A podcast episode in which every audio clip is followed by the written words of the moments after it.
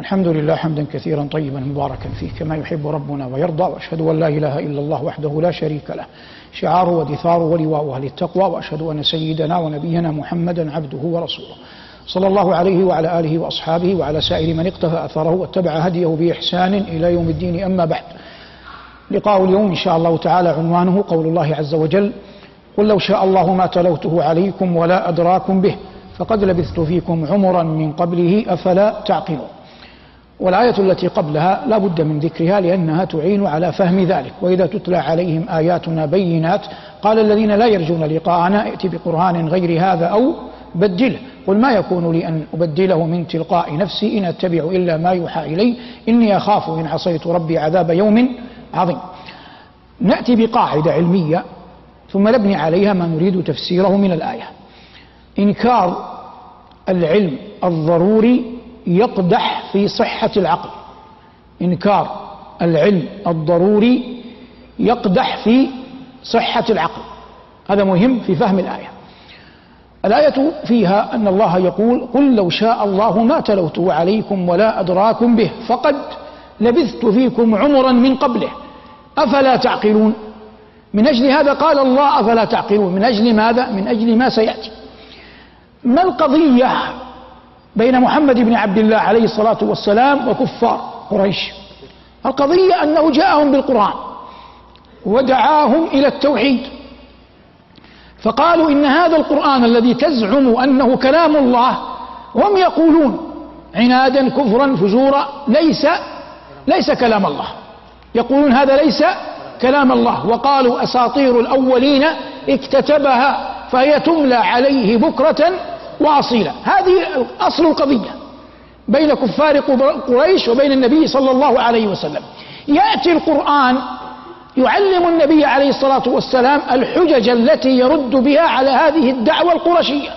من ذلك قول الله عز وجل هنا قل لو شاء الله ما تلوته عليكم ولا أدراكم به. لما؟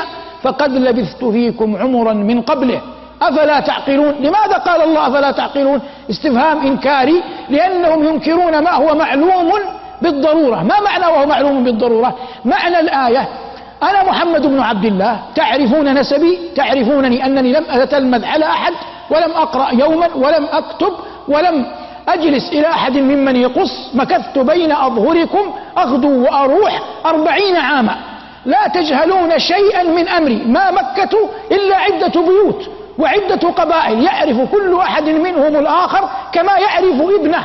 يعرفون أنسابهم هذا من بني مخزوم هذا من بني تيم هذا من بني عدي هذا من بني هاشم هذا من بني جمح هذا من بني سهل نحن الآن نحن نقرأهم عرفناهم لقلتهم. فهم كانوا يعرفون بعضهم بعضا والنبي عليه الصلاة والسلام بين أظهرهم أربعين عاما لم يجربوا عليه كذبا. ولهذا قال هرقل لأبي سفيان قبل أن يسلم أبو, أبو سفيان قال هل جربتم عليه كذبا؟ قال أبو سفيان لا.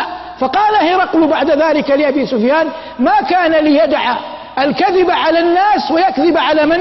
ويكذب على الله. ما كان ليدع الكذب على الناس ويكذب على الله. فالله يقول لهم هنا قل لهم أيها النبي الخاتم أيها العبد المجتبى أيها الحبيب المصطفى قل لهم فقد لبثت فيكم عمرا من قبله.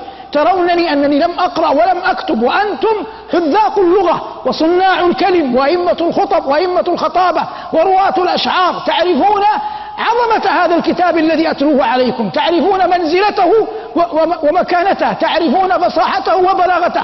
وأنه ليس بإمكانكم أنتم مجتمعين أن تأتوا بمثله. فكيف أنا الذي لم أتلقى علما ولم أقرأ كتابا ولم أتتلمذ على يد أحد أن يأتي بمثله؟ هذا من الرد عليهم. قل لئن اجتمعت الإنس والجن على أن يأتوا بمثل هذا القرآن لا يأتون بمثله ولو كان بعضهم لبعض ظهيرا. واضح الآن؟ فالله عز وجل يقيم عليهم الحجة بأنهم يعلمون هذا النبي الخاتم فلما كان ليس منه صلى الله عليه وسلم لم يبق إلا أن يكون وحيا من وحيا من الله. فأنكروا أن يكون وحيا من الله فردوا ما يعلم ضرورة فلما ردوا ما يعلم ضرورة أصبح من حقنا أن نقدح في عقولهم فلهذا قال الله أفلا تعقلون؟ من هنا قال الله أفلا تعقلون؟ ظاهر هذا إن شاء الله تعالى لكم. وهذا أيها المبارك له نظائر في القرآن قال عز وجل في سورة المؤمنين في سورة المؤمنون طبعا تقول بالإضافة المؤمنين لكن الأفضل تقال على الحكاية تبقى مرفوعة كما هي. قال جل ذكره أم لم يعرفوا رسولهم فهم له منكرون. يعني لو كان هذا الرسول لا يعرفونه من قبل لحق لهم أن ينكروه. لأن النفوس جبلت جبلت على أنها ترد الشيء الذي تجهله. من حقها أن ترد الشيء الذي تجهله. لكن هذا النبي لم يكن مجهولا لديهم. الآن من هذا التفسير أخرج إلى السيرة. الصحابة قبل أن يهاجر جمع منهم إلى المدينة هاجروا إلى أين؟ إلى الحبشة عند النجاشي. بعثت قريش من يستدعيهم ويؤلب النجاشي عليهم. النجاشي استدعى أولئك الأخيار أولئك الأصحاب أولئك المهاجرين. من تقدمهم في الحديث؟ جعفر بن أبي طالب. لما أراد جعفر أن يبين للنجاشي صواب القول دخل عليه من هذا الباب من نفس باب المعرفة. قال له النجاشي أنصارى أنتم؟ قال لا. قال أفيهود أنتم؟ قال لا. قال إذا أنتم على دين قومكم. قال جعفر لا. قال النجاشي فما دينكم إذا قال إن الله قال ديننا الإسلام. قال وما الإسلام؟ قال إن الله بعث إلينا رجلا من أنفسنا نعرفه ونعرف نسبه ونعرف وجهه. يعني أين يغدو وأين يروح؟ فدعانا إلى توحيد الله ثم عد مناقب الإسلام. موضع الشاهد أن جعفر رضي الله عنه وأرضاه احتج على النجاشي بأن الرسول الذي بعث ماذا؟ يعرفونه. ولهذا قال الله عز وجل لما ردوا كلام الله ردوا كلام رسوله يقول الله مستنكرا عليهم أن طريقتهم هذه لا أن طريقتهم هذه لا يقرها عاقل. قال أم لم يعرفوا رسولهم فهم له منكرون لكنهم يعرفون رسولهم. فالنفوس جبلت على أنها تقبل ما هو معروف وتنكر ما هو مجهول ترتاب تخاف لا تطمئن. إذا جاءها أحد لا تعرفه لكنها إذا جاء أحد تعرفه تقبل عليه بحسب علمها به بحسب علمها به. الله عز وجل قال مما يريد هذا المعنى قال في سورة الذاريات وقال في غيرها هل أتاك حديث ضيف إبراهيم المكرمين إذ دخلوا عليه؟ الأضياف ملائكة. والمشهور أنهم جبريل وإسرافيل وميكال إذ دخلوا عليه لكن كان فيهم شيء من الغرابة. ونحن لا نعلم يعني ليس بين يدي نص قال العلماء لكني غير مقتنع. لماذا أنكرهم إبراهيم؟ لكن قطعا كان هناك شيء غريب. قال الله عز وجل إذ دخلوا عليه فقالوا سلاما قال سلام قوم منكرون. فلما أنكرهم أصابه الخوف وهو خليل الله.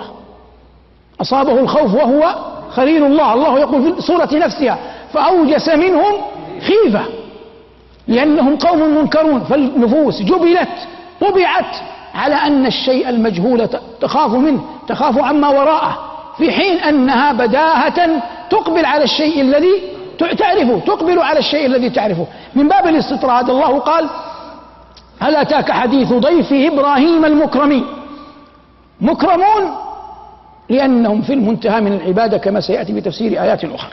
والأمر الثاني مكرمون لماذا؟ لأن خليل الله عليه السلام باشر ضيافتهم بنفسه. باشر ضيافتهم بنفسه. وقد قال أهل العلم إن من دلائل إكرامك لضيفك أن تباشر ضيافته بنفسك. نحن نعلم أن الإنسان في زمننا هذا له أبناء. له من يعملون في داره له من يعمل عنده يقومون بواجب الضيف يسدون عنه. لكن هذا لا يمنع أن تكونوا أنتم كذلك لا تحتاجون إلى مثلي في هذا أن يعلمكم لكن هذا من باب التذاكر لا من باب التبصير. أنك تصنع شيئا للضيف بنفسك. من باب أن تدخل في قول الله جل وعلا هل أتاك حديث ضيف إبراهيم المكرمين؟ يعني والمعنى أنك تقرب له وعاء تفتح له صنبور ماء ليغتسل تؤتيه شيئا من الرطب بيدك تقدم له ما يحتسى ويشرب بيدك أي شيء من هذا ولو مرة في اللقاء كله تباشره بنفسك حتى تثبت له أنه كريم عليك وحتى تندرج في صنيع خليل الله إبراهيم إذ قال الله عز وجل عنه فراغ إلى أهله فجاء بعجل سمين سمين فقربه إليهم قال ألا تأكلون؟ كل ذلك باشره خليل الله عز وجل بنفسه. والمقصود إقامة الحجة على أولئك الكفار في أن النبي صلى الله عليه وسلم معروف لديهم وأنه ما كان له أن يأتي بهذا القرآن. وهو, وهو الأمر كما قال الله وإذا تتلى عليهم آياتنا بينات قال الذين لا يرجون لقاءنا. عدم الخوف من الله نابع من أنهم لا يرجون لقاء الله. ائت بقرآن غير هذا أو بدله قل ما يكون لي أن أبدله من تلقاء نفسي إن أتبع إلا ما يوحى إلي. إني أخاف إن عصيت ربي عذاب يوم عظيم. يبنى على هذا وهذا استطراد اجتماعي المعرفة والمجهول. نعلم أنه قبل أشهر توفي الملك عبد الله بن عبد العزيز غفر الله له ورحمه. نسأل الله أن يجعل جسده مكرما في الأراضين وروحه مكرمة في عليين فله حق وفضل كبير علينا. لما مات الملك عبد الله أعلن في البيان نفسه أن الله آتى الملك وتمت البيعة للملك سلمان وفقه الله وأيده الناس في تلك الليلة هذا أمر وقد وقع. انصرف جل حالهم إلى الدعاء للملك عبد الله. لما؟ لأن القادم غير غير مجهول.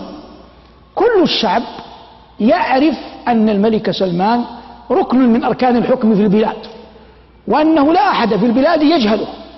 الناس تعرف كفاءته تعرف مقامه في الأسرة كان وليا للعهد تعرف قدرته تعرف علمه تعرف شجاعته تعرف صلابته تعرف حزمه تعرف الكثير عنه.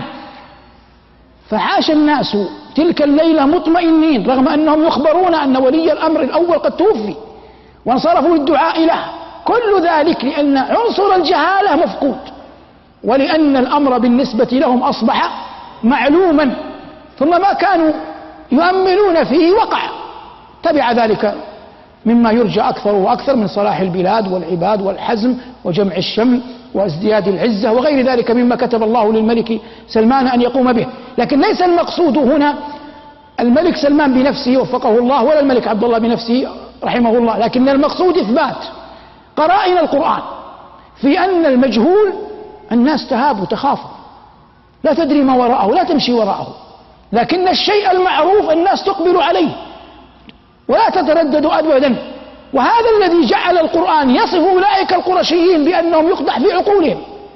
لأن هذا النبي الذي بعثناه إليكم لقد جاءكم رسول من أنفسكم. عزيز عليه ما عنتم حريص عليكم. بالمؤمنين رؤوف رحيم. أنتم تعرفونه حق المعرفة. فلو كنتم لا تعرفون عنه شيئا لقلتم ربما تقول على الله الأقاويل لكن الأمر هرقل وهو هرقل. في دمشق يقول ما كان ليدع الكذب على الناس ثم يكذب على الله. والمراد من هذا حتى عندما تريد أن تبعث أحدا أو تخاطب شخصا كلما كان الأمر بين. ولذلك في الحديث أن الإنسان إذا قرع الباب حديث جابر أن أتى النبي عليه الصلاة والسلام فقال عليه الصلاة والسلام من؟ قال أنا. فغضب عليه الصلاة والسلام قال أنا أنا. لأن كلمة أنا لا لا تخرج لا تفصح عنه إبهام. واضح؟ يعني قل أنا جابر. فحتى حتى عندما تسأل شيخا تطلب منه شيء تقابله بعد الفجر تقابله غاد في صلاته تقابل مسؤولا قبل أن تقول طلبك عرف بماذا؟ عرف بنفسك حتى تذهب الجهالة عن نفسك حتى يطمئن إليك من تريد أن تحدثه سواء كنت تريد أن تسأله سؤالا أو تطلبه مالا أو تريد من جاهه أو غير ذلك مما يطلبه الناس بعضهم من من بعض. فمثل هذه الطرائق تزيل الوحشة من القلوب تزيل الوحشة من الصدور تجعل الناس مطمئنين يأخذ بعضهم بعضا كما قلت لأن الشخص إذا جهل يصعب التعامل معه. فإذا كان نبي الله الله يقول عنه هل أتاك حديث ضيف إبراهيم المكرمين إذ دخلوا عليه؟ مع أنهم سلموا. فقالوا سلاما قال سلام قوم منكرون لأنه لم يعرفهم عليه الصلاة والسلام أو رأى عليهم من شيء من الغرابة. قلت لا أستطيع أن نثبته ولا نجزم به لكن ذلك دعاه لأن يخاف منهم قال الله فأوجس منهم خيفة. قال ربنا في الآية قل لو شاء الله ما تلوته. والمراد القرآن. فلفظ يتلو يرتبط مع الكلمة قرأ مع القرآن كثيرا إلا أن قرأ يغلب إتيانها مع القرآن وغير وغير القرآن. وأما تلا فالأكمل أنها لا تأتي إلا مع مع القرآن. الله يقول إن الذين يتلون كتاب الله ويقول جل وعلا أتلو ما أوحي إليك من من الكتاب. فلفظ تلا يأتي مع قراءة القرآن أكثر مما غيره لكن لفظ قرأ يأتي مع القرآن ومع غيره وبه نزل التنزيل. قال الله عز وجل لا تحرك به لسانك لتعجل به إن علينا جمعه وقرآن لا تحرك به لسانك لتعجل به. إن علينا جمعه وقرآنه فإذا قرأناه فاتبع قرآنه. فجاء بلفظ قرأ ولم يأتي ولم يأجئ ولم يجئ بفعل تلا. قل لو شاء الله ما تلوته عليكم ولا أدراكم به. نأتي للفعل درى. الفعل درى. لفظ علم. ما اسم الفاعل منها؟ عالم. ويوصف الله بأنه عالم. لفظ درى. ما اسم الفاعل منها؟ داري. ما اسم الفاعل؟ لكن لا يوصف الله بأنه داري. فقول العامة الله داري إني فعلت كذا غير صحيح. لأن الفرق بينهما أن درى علم يحتاج إلى نوع من المعالجة. يحتاج إلى نوع من المعالجة. يسموها العلماء من المخاتلة من الصنعة. يحتاج إلى شيء تبذل حتى تصل إليه. وهذا لا يتفق مع من في وصف ربي رب العزة. وقد أجمع العلماء على أنه لا يقال عن الله أنه دار ويقال عن الله أنه عالم. الله يقول عن ذاته العلية عالم الغيب والشهادة. قال ربنا هنا قل لو شاء الله ما تلوته عليكم فقد لبثت فيكم عمرا. كلمة عمرا هنا فيها تضمين أن شيء من من الإطالة شيء من الإطالة. والعلماء يقولون إنما سمي العمر عمرا لأن الإنسان في أيام حياته يعمر الأوطان والديار والحياة. وقد جاء لفظ عمر عمر كثيرا في القرآن لكن ظهر في القرآن قضية تعلق اليهود بطول الحياة. فقال الله عز وجل عنهم في سورة البقرة ولا تجدنهم أحرص الناس على حياة ومن الذين أشركوا يود أحدهم لو يعمر ألف سنة وما هو من العذاب أن يعمر. لكن قال نبينا صلى الله عليه وسلم خيركم من طال عمره وحسن عمله. خيركم من طال عمره وحسن عمله. والموت واقع لا محالة. لكن يكثر الآن موت الفجأة. إما عن طريق حوادث أو عن طريق ما يصيب القلوب أو غيرها مما هو معروف. العلماء يقولون إن موت الفجأة راحة للصالحين. بمعنى من كان مستعدا حقا للموت فإن موت الفجأة في حقه رحمة لأنه لا يعذب ولا يعذب من حوله. ثم هو ينتقل إن كان قد أعد لذلك اليوم عدته ينتقل من الدنيا إلى دار نعيم لأنه ليس بين المؤمن ليس بين المؤمن الصالح التقي النقي. وبين أن ينعم بنعيم الله إلا أن إلا أن يموت. فيصبح موته في حقه رحمة. يصبح موته في حقه رحمة. والله عز وجل يختار لعباده وهو أعلم بسرائرهم وأدرى بصنائعهم. اللهم إنا نسألك طول عمر في حسن عمل وخاتمة حسنة. هذا ما تيسر إراده وتهيأ إعداده وأعان الله على قوله وصلى الله على محمد وآله والحمد لله رب العالمين.